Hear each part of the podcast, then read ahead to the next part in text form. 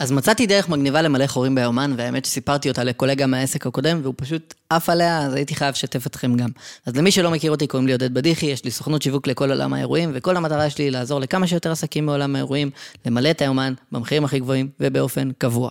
אז האמת שנקלטתי איתו לשיחת חולין והיא הייתה ממש מגניבה, אה, דיברנו על כל מיני דברים, ואז הוא אמר לי, תקשיב, יש לי כמה חורים מעצבנים ביומן שאני אף פעם לא מצליח למלא ואין לי מושג איך לעשות את זה.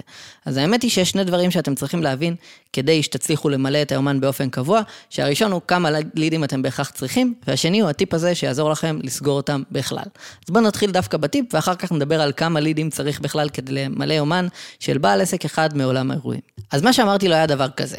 סיפרתי לו שכל ליד שהיה מגיע אליי, הייתי שומר בצורה מסוימת באנשי קשר שלי. ואז מה שהיה קורה, הייתי שם את התאריך של האירוע שאליו הם פנו אליי.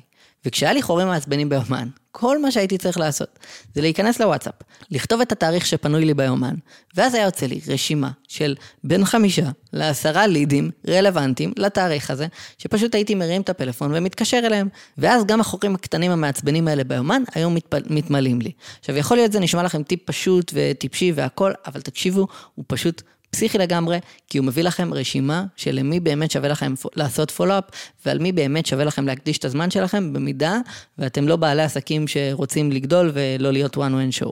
אם אתם רוצים לגייס עובדים ולגדול ולבנות חברה ענקית, אז ברור שאתם צריכים לחזור לכולם ולעשות follow-up לכולם. אבל אם אתם רוצים להיות one man show ולמלא את היומן בצורה הכי טובה שאתם יכולים, ולעשות את זה גם בצורה יעילה, אז אתם לא באמת צריכים לעשות follow-up לכולם, אתם צריכים לעשות follow-up למי שרלוונטי. כי follow-up לכולם יבזבז לכם את הזמן. עכשיו בואו נדבר רגע על מה זה פולו-אפ, כי בפעם הראשונה שאני שמעתי את המילה הזאת, התביישתי לשאול מה זה ופשוט לא ידעתי. אז בפולו-אפ הכוונה היא לחזור לפנייה שפנתה אליך ולא נסגרה, ועדיין רלוונטית, וצריכה לחשוב על זה.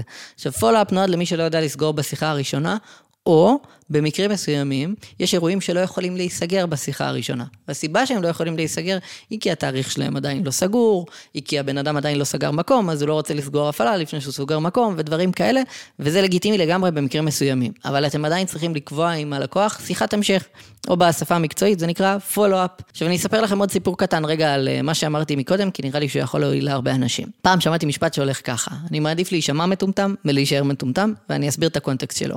לא מזמן הייתי בקורס, והייתי בקורס של חצי שנה.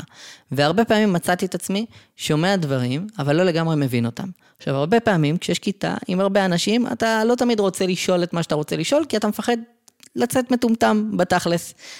אבל שמעתי את המשפט הזה, והוא עזר לי מאוד להביך את עצמי בסיטואציות שזה לא תמיד נעים, כי הבנתי שאם אני לא אשאל, אני אשאר מטומטם. ואם אני אשאל, אני אשמע מטומטם, אבל אני לפחות לא אשאר מטומטם לתמיד, וזה יהיה לטווח זמן קצר. וקבלו קטע מגניב. אחרי שהייתי שואל את זה מלא פעמים, במהלך הקורס, מלא אנשים באו אליי אחר כך ואמרו לי, תקשיב, איזה כיף ששאלת, אני לא שאלתי, אני התביישתי, וגם לי לא היה מושג על מה הוא דיבר. עכשיו, אני אתן לכם משפט מגניב שאני הייתי אומר, כדי לצאת קצת פחות מטומטם, פשוט הייתי אומר להם את זה תוך כדי השאלה.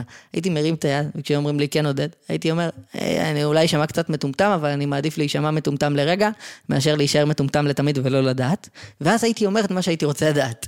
ואז מה שהיה קורה, שהרבה פעמים כולם היו צוחקים פשוט, לפחות בהתחלה, בפעם העשירית זה נראה לי כבר חפר להם, אז הפסקתי להגיד את זה, אבל... לפחות לא הייתי נשאר מטומטם לתמיד, וגם הייתי יכול להגיד את זה בצורה חכמה ואלגנטית כזאת, אה, וגם באותה סיטואציה זה היה פחות מביך. אז ככה הייתי שואל שאלות, נשמע אולי טיפה מטומטם, אבל לא נשאר מטומטם לאורך זמן, אה, ואולי זה יעזור גם למישהו מכם, אז חשבתי לשתף את זה עם כולכם. אז דיברנו רגע על איך לעשות את זה עם האנשי קשר, אבל בואו נדבר רגע על מה לעשות אם אתם רוצים להיות עסק גדול. אם אתם רוצים להיות עסק גדול באמת, ולהתנהל כמו שצריך, ולהרוויח טוב, ולהרוויח אומר גם לנהל את הלידים שלכם, וגם לנהל את הכספים שלכם. אני יודע, זה נשמע משעמם ולא כיף, אבל מה לעשות, אף אחד לא אמר שלהצליח ולהרוויח הרבה כסף, זה כיף ומגניב והכל טוב ויפה ו- וזה דרך קלה. ויותר מזה, אם זה היה קל, כולם היו עושים את זה, בגלל זה זה קשה, אה, ובגלל זה לא כולם מצליחים ומרוויחים הרבה כסף. אז אם אתם רוצים להיות עסק גדול, מה שאתם צריכים לעשות זה לשכוח מהשיטה שאמרתי לגבי אנשי קשר, ולהתנהל עם מערכת CRM באמת רצינית. עכשיו, אני לא אומר להוציא אלפי שקלים על מערכת CRM, טבלת אקסל מסודרת היא מספיקה, ואם אתם צריכים אחת כזאת, תשלחו לי הודעה באינסטגרם, ואני אעביר לכם אחת כזאת בחינם לגמרי, שהיא מותאמת לעסקים מעולם האירועים. ואז מה שאני רוצה שתעשו שם, יהיה לכם שם שורה של תאריך האירוע. בתאריך האירוע אתם מזינים את התאריך שדיברתם עליו עם הליד. וכשיש לכם את החורים האלה ביומן, אז אתם עושים סינון, מוצאים מי פנה אליכם לתאריך הזה, ואז כל מה שנשאר לכם לעשות זה להתקשר אליו, לא לעשות פולו-אפ בהודעה, להתקשר אליו. אם אתם רוצים למלא את היומן, זה מצריך עבודה קשה. אף אחד לא אמר זה יהיה קל. אני אסביר גם למה זו עבודה כזאת קשה. כדי למלא את היומן אתם צריכים הרבה מאוד לידים. בואו נגיד שאתם סוגרים 20% ממי שפונה אליכם. אז ב-50 לידים הראשונים שאתם תקבלו, אתם תסגרו עשרה אירועים, כי 50 כפול 20 אחוז סגירה, שווה עשרה אירועים סגורים. אבל עכשיו, אם אחוזי הסגירה שלכם לפני היו 20 אחוז, הם ירדו ל-10, כי בחצי מהתאריכים אתם דפוסים. אז עכשיו, ב-50 לידים הבאים, אתם תסגרו רק 10 אחוז, שזה אומר עוד חמישה אירועים. בוא נגיד ש-20 אירועים זה יומן מלא, יש לכם כבר 15, אין לכם כמעט תאריכים ביומן, ואחוזי סגירה שלכם ירדו לבאזור ה-5%. זה אומר שכדי לסגור עוד חמישה אירועים, אתם צריכים עוד 100 לידים. זה אומר שב-20% סגירה, בסטנדרט, אתם צריכים 200 לידים כדי למלא את היומן, שזה כמות פסיכית. אני יודע, זה נשמע הרבה, אבל יש משהו אחד שעובד לטובתכם, וזה הפה לאוזן, ובגלל זה אני כל הזמן מטיף עליו.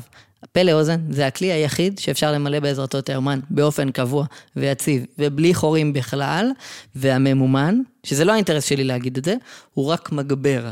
ואם תעשו עבודה טובה, הפה לאוזן יסגור לכם את כל החורים ביומן שאתם יכולים לדמיין. כי כמו שאמרתי כבר מלא פעמים, יש עליו ריבית דריבית, והוא גדל בצורה לא נורמלית, כל עוד אתם עושים עבודה טובה. אם כל אירוע יסגור לכם עוד אירוע, אז בחודש הראשון יהיה לכם אירוע אחד, בחודש השני 2, 4, 8, 16, 32, ואיזה קטע, יש לכם יומן מלא תוך חצי שנה, אבל זה אם כל אירוע יסגור לכם שני אירועים. שוב, הוא לא בהכרח יסגור לכם שני אירועים לחודש הבא, אבל הוא יסגור לכם שני אירועים בטווח הארוך, ותוך שנה היומן שלכם אמור להיות מלא, אם ורק אם תעשו עבודה טובה, וגם תביאו את האירועים הראשונים האלה, וכן, זה אומר שלפעמים צריך את הממומן, כי הוא מגבר. והוא מקצר לכם את הדרך הזאת. זהו בגדול, מקווה שנהנתם. אם קיבלתם ערך, אני ממש אשמח שתעקבו אחריי באינסטגרם. אני משתף מלא דברים נוספים בסטורי שיכולים לעזור לכם, ועוד מלא רילסים ודברים מגניבים. אז חפשו עודד בדיחי, אינסטגרם, פייסבוק, יוטיוב, טיק טוק, כל מקום שאתם יכולים לחשוב עליו. מקווה שנהנתם, שיהיה לכם אחלה של יום.